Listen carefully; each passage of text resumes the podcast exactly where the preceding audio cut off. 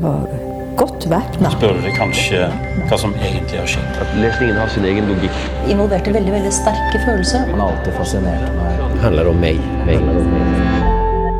Hei, og velkommen til Radio Gyldendal. Tidligere i høst kom Liv Saga ut. Det er den første historiske romanen til forfatter Marlene Ferrer. Og Ferrer er ikke bare forfatter, hun er også mentalitetshistoriker. Så hun har det aller beste utgangspunktet for å skrive en troverdig og medrivende roman fra 1100-tallets Norge.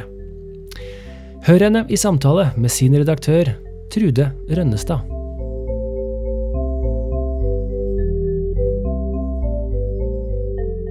Hei, Marlen Ferrer. Velkommen til Radio Gyldendal. Takk skal du ha.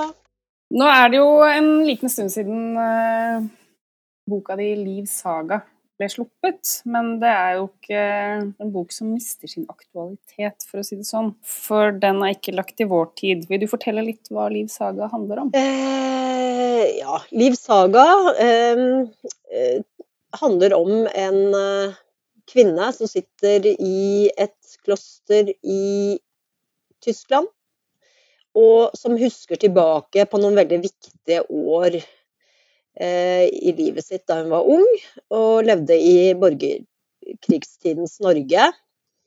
Eh, altså mange tiår eh, tilbake i tid, da. Så den beveger seg mellom 1162 og 1217, faktisk. Så den strekker seg jo over flere tiår. Og handler egentlig om livet til Liv, men med en særlig vekt på noen år da, under borgerkrigstiden som var veldig dramatiske, og som formet livet hennes i veldig stor grad. Og ikke bare livet hennes, men også livet til venner, naboer, familie, slekt osv. Ja, vi, vi, skal komme tilbake litt til dette med borgerkrigstidens Norge, men, men først litt om hovedpersonen din, uh, Liv. Uh, hva slags kvinne er det vi møter i denne romanen? Nei, Liv hun er en uh, kvinne som lever i en overgangstid på mange måter. Altså, det er et, en overgangstid mellom den tradisjonelle æreskulturen og, og mer kristne verdier som slo inn. Så hen, hun bærer jo preg av det eh, på et personlig plan, av at hun har litt eh, kristne verdier som eh, spiller seg ut inni henne. og når sagaen begynner, så er hun jo en ung kvinne. Så jeg har jo beskrevet en kvinne som er altså, i tenårene, og som jeg opplever alt det vi alle opplever. Så det er jo noe sånn universelt over det hele. Men samtidig så passer jeg på at tiden får spille seg ut i henne og hennes personlighet.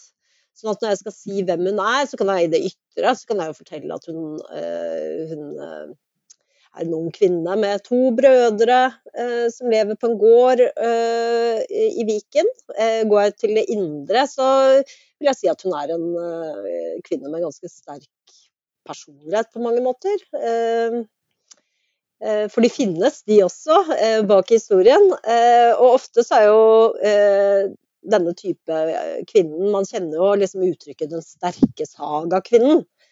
Eh, og de blir ofte eh, framstilt, noen av de i hvert fall, som type sånn sterke og vakre og manipulative. Eh, eggene eh, osv. Eh, og har ofte fått sånn eh, sitt pass eh, påskrevet i i, historien, altså i sagaene som ble nedskrevet av menn, så jeg ønsket å skrive en saga hvor man ser henne innenfra, da. Eh, en sånn kvinne. En sånn typisk eh, kvinne som i sagaene kanskje ville bli blitt beskrevet på en litt eh, til tider negativ måte, vil jeg få lov til å selv fortelle sin historie. Og det er kanskje det viktigste for meg, å, å la henne på en måte komme til orde, da. Fordi Marlene, du er jo romanforfatter, men du er også middelalderhistoriker. Mm. Eh, vil du si litt om fagfeltet ditt? Altså, for det har jo litt med bakgrunnen din for å skrive den romanen å gjøre. Ja. Eh, jeg har jo en doktorgrad i eh, mentalitetshistorie. Mer spesifikt så kan jeg si at doktorgraden min handler om emosjoner i overgangen, altså hvordan det var lov å ytre følelser og osv. i overgangstiden mellom ære og stat i, faktisk, ikke bare i det norrøne språkområdet, altså Norge Norge-Island, men også eh, i den iberiske halvøy. Hvor jeg sammenlignet og fant fram at det var noen likheter, men også forskjeller, faktisk. Eh, Kan du, si litt, kan du si litt om de likhetene og forskjellene? Det er en sånn- det er en liten digresjon. Ja, skal jeg nå ikke det? Nei, det er jo at eh, det var mer rom for en mer sånn eh, emosjonalitet i, i eh, Altså tenker du på forskjellen mellom eh, den iberiske halvøy og Ja, nei, det var at, eh, at det ga mer eh, prestisje, faktisk, hadde en større funksjon. Eh, det at menn ytret eh, myke følelser av typen gråt og ydmykhet og, osv. Det kan jo liksom eh, Det Ja, det, kanskje hadde, det, hadde, det hadde høyere prestisje på den ibiriske halvøy, Ja, eller? Det hadde en helt klar funksjon i, i de høviske kretsene, faktisk. Sånn at eh, det er kanskje der smørsangeren har, har sin kilde, det kan tenkes. Eh, hvilket er ganske eh, interessant. Ja. Mens eh, her oppe i nord så var det i større grad det å, å Altså selvkontroll eh, altså, var veldig viktig. Det var det jo i økende grad også i, i Iberiske halvøy, men da var det kontroll over aggressivitet, da. Eh, ikke, ikke soft emotions, som vi kaller det. Mm, mm. Eh, ja. Og det jeg også kom fram til, var eh, at den ene som eh, liksom eh, ja, tidligere på dagen hadde vært i et eh, slag og slåss eh, for sitt liv og drept mennesker, kunne i det neste øyeblikket eh, sitte gråtende på knærne og be til Gud om nåde. Så det var jo på mange måter en ganske sånn eh, ja, eh, psykologi da, som var eh, mange, ja, mangesidig, kan vi si. Mm. Eh, Så det har jeg jo prøvd å ha med, ha med i boka. Og jeg eh, har jo også prøvd å bruke noen sånne uttrykk som, eh, om emosjoner som er lånt fra middelalderen, faktisk. Eh, Hvilke da, eksempel?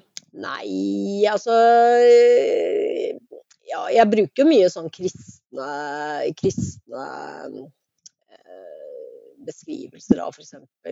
altså undertrykke sinne med ydmykhet osv. Det er en veldig sånn kristen, eh, kristen måte. Altså, det er jo dødssynden og alt dette her. Altså kardinaldyder og sånn har jeg brukt en del. Eh, men jeg har også brukt eh, sånne helt sånn ja, eh, ja, F.eks. om det å være gravid, ha et barn, altså et barn under hjertet f.eks. Det er jo ikke noe vi pleier å si, men som eh, jeg har lest i middelalderkilder. eh, Og som jeg syns var fint, som jeg til da Mm. tenkte at jeg ville trekke inn. Så det er, mange, det er noen sånne begreper som jeg har rett og slett eh, ja, brukt, da.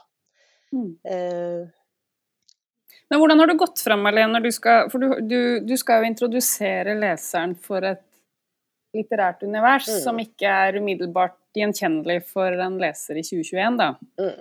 Uh, og da støter man jo på noen utfordringer, vil jeg tro. Hvordan har du gått fram for å etablere dette universet? Ja, for det første så har jeg gjort uh, kanskje det billigste trikset i, man kan bruke, og det er selvfølgelig å ha en, en forfatter som har, sitter, et, har et, uh, sitter et annet sted. Uh, og, altså, hun sitter jo i Tyskland mange tiår senere i en helt annen kultur, så eh, det ville være naturlig at hun ville beskrive på en måte den verden hun levde i for 50 år siden, eh, for eh, også sin samtidige leser, faktisk.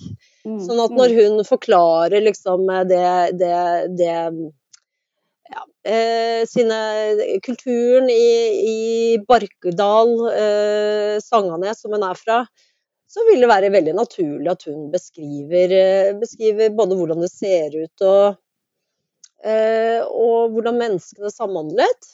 Eh, F.eks. at ære var viktig. Det var jo kanskje ikke så viktig i et tysk kloster eh, eh, 50 år senere. Så, det, er- så sånn, det er jo på en måte et ganske en etablert måte å, å, å, ja, å sette folk inn i. Eh, et, en litterær verden, da. og liksom ha det tilbakeskuende.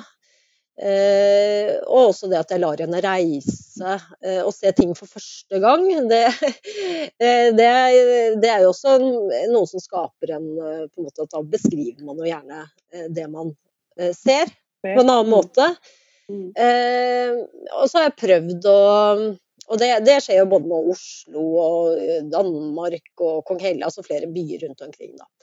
Eh, og så har jeg jo eh, prøvd å eh, ikke bli for eh, beskrivende i den forstand at, eh, at det, ja, For det tenker jeg kanskje er den, det farligste ved en historisk roman, er forfattere som ønsker å vise hvor mye de har gjort av research og hvor mye de har sett og hørt. Så jeg har prøvd å integrere på en måte middelalderen i, i, henne på en så naturlig måte som mulig, rett og slett. Mm. Altså istedenfor å uh, løfte glasset, så løfter hun begeret. Istedenfor å altså, gjøre det til en sånn naturlig del av henne. Men den store utfordringen er vel kanskje uh, at det er en ganske Altså borgerkrigssiden er jo en veldig komplisert tid å forstå, og det er en tid som veldig Eh, få egentlig kan så mye om i dag. Eh, hvilket er rart, for det er jo en utrolig dramatisk tid, eh, også sammenlignet med vikingtiden. Så står den jo ikke tilbake på noe som helst måte. Sånn at Og da er jo utfordringen på en måte å la folk, leseren, ja, forstå tiden uten at det blir for lærebokaktig. Da.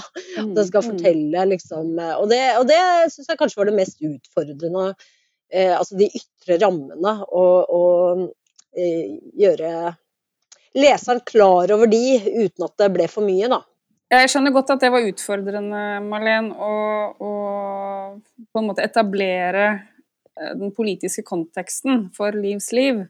Eh, kan du si litt om hva det er som karakteriserer Norge i borgerkrigstida? Altså hva slags samfunn var det? Eh, ja, eh, dette er jo noe som har vært ganske omdiskutert blant historikere. For det første, hvorfor ble det borgerkrigstider? Eh, og hva førte det til? Og jeg tror vi kan eh, egentlig eh, begynne med konklusjonen, da, eller eh, resultatet av, av borgerkrigstiden. at det er kanskje det mest interessante, og det er jo at det ble jo et mer militarisert samfunn eh, for alle. Eh, men også at ut av borgerkrigssiden så går, ender man jo opp med altså at man har én eh, ektefødt konge. Så eh, den ene liksom eh, Det vi kaller altså primogenitur, kaller man det.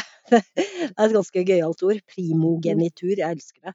Eh, det, det, ble etablert, da. Eh, at, eh, at eh, eldste ektefødte sønn skulle overta kronen. For mm. før det så var det mange som, som sloss mot hverandre om den, og det er vi jo en del av bildet at altså Borgerkrigstiden er jo egentlig mange stormenn som samler seg rundt ulike kongsemner, og uh, nettopp fordi det tjener dem, uh, disse, altså disse stormennene, og, og, om deres kandidat vinner. Uh, og det er også et uttrykk for at vikingtiden er over. Altså i store deler av Europa så har konger eh, og stater, eh, altså stater og stater, men land, eh, begynte å organisere seg eh, langt bedre enn før, altså Forsvaret, og det gjør at eh, den norske leidangen støter etter hvert på mer motstand, organisert motstand. Sånn at eh, om du vil eh, bli rik og, eh, og, mektig, så er ikke det å fare utenlands lenger eh, den åpenbare løsningen, eh, hvilket var tilfellet i vikingtiden. Da eh, vender man blikket hjemover, altså innenlands, og, og da blir det kampen om jordeiendom osv. Det er der den står, da. Vi, og det går jo selvfølgelig utover den vanlige befolkningen, da. Eh, Der eh, vikingene kanskje satte fyr på landsbyer i, i England og eh, den franske kysten, eh, blir en, eh, norske bønder eh, til tider utsatt for noe av det samme, da. Mm. Og dette skjer jo også i åpningen av romanen din, som er ganske altså, det, Vi skal ikke langt inn i romanen før eh, det er noe svært dramatisk som skjer, Uh, og som legger store føringer på det som blir Livs skjebne, kan man si. Eller hva tenker du? Kan Ja. du fortelle litt om det? Ja, eh, det jeg kan si er at eh,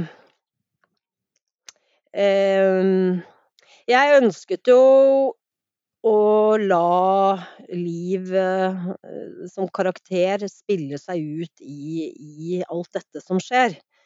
Eh, og eh, la eh, volden i samfunnet sette noen premisser for livet hennes, da. Eh, sånn at eh, det blir jo veldig viktig både for henne og, og de andre. Eh, det blir jo en sorg og en smerte i livet hennes. Eh, Vi kan nesten kalle det traume, om vi skal bruke moderne begreper.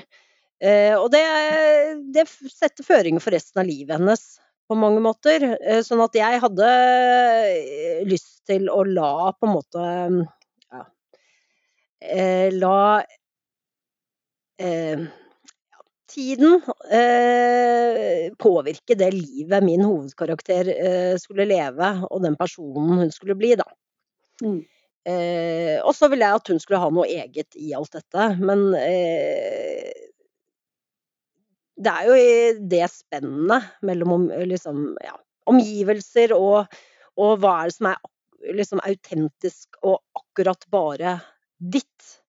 At jeg syns noe spennende skjer eh, egentlig med ikke bare liv, men egentlig generelt romankarakterer som det må være motstand, det må skje noe som, som jeg syns er Og det er det jeg syns ofte er interessant, da. Med Mm.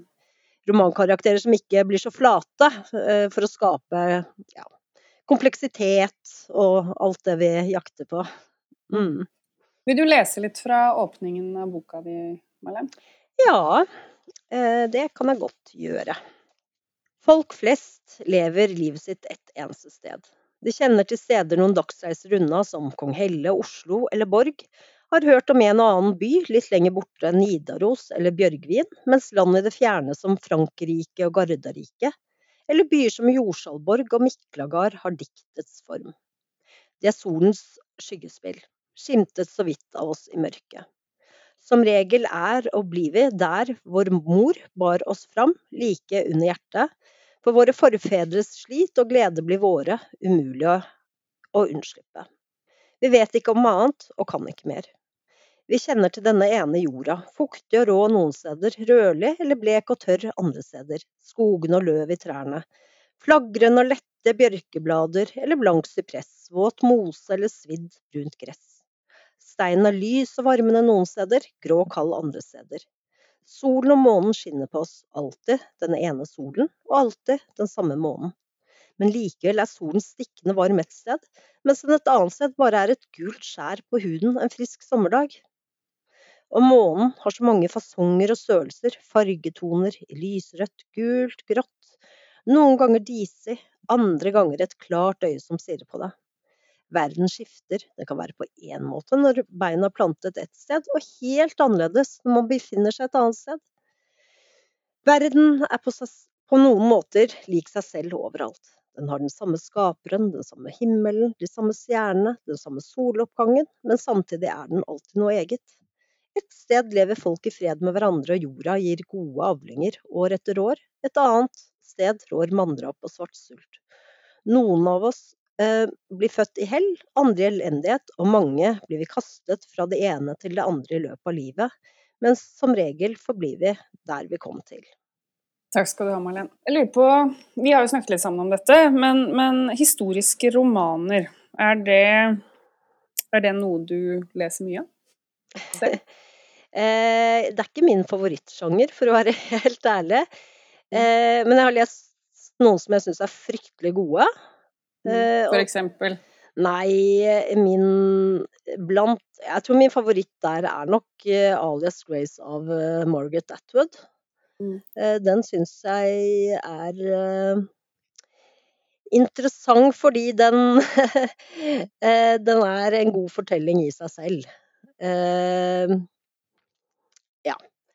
Så Og det var jo jeg opptatt av når jeg skrev, at jeg ville jo jeg har jo egentlig hatt litt sånn motforestillinger mot å skrive historisk roman før. Jeg har skrevet to samtidsromaner. Mm. Eh, men jeg syns jo Og det handler kanskje om at jeg syns at mye av den litteraturen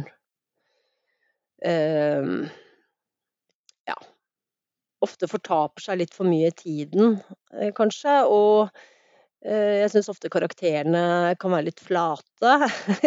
det er veldig kritisk. Eh, det er jo det Margaret Atwood klarer å liksom unngå. Hun, men hun er en helt fantastisk forfatter. Men hun, hun klarer virkelig å utnytte tiden på en god måte, da. Til å, å gjøre, la det skje noe spennende med, med, med karakterene. Eh, og så er jeg veldig glad i, em, Alice Munro sine Hun har noen noveller hvor hun eh, eh, setter de i en fortid som jeg også syns er knakende gode. Så, så det er vel Jeg har vel noen sånne kanadiske forfatterinneforbilder innenfor den sjangeren, vil jeg si. Mm. ja. Em, ja, jeg vet ikke om jeg skal si noe mer. Men sånn at, sånn at når man går inn i det eh, ja, med sånne forbilder, så, så er det jo utrolig interessant eh, å Mm. skrive historisk roman.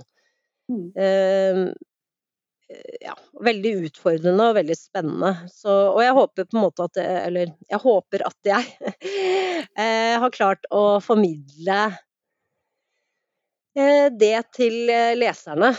Eh, slik at de føler at de både blir satt inn i en eh, ny verden, eh, som gir de mulighet for eh, erkjennelse. Altså det å se ting, lære ting, oppleve ting de ikke har opplevd før. For det er jo en fantastisk ting ved historisk roman. Eh, Men også at det er noe universelt, og at de kjenner igjen hvor kompliserte og vanskelige vi mennesker er. Mm. Det er vel håpet. Jeg syns jo du har lykkes med det, Malene. Eh, kommer det noen flere historiske romaner fra deg, tror du? Eh, Det får tiden vise. Ja. Takk for at du kom og snakket med meg i Radio Gyldendal. Vær så god. Jeg får si takk for meg.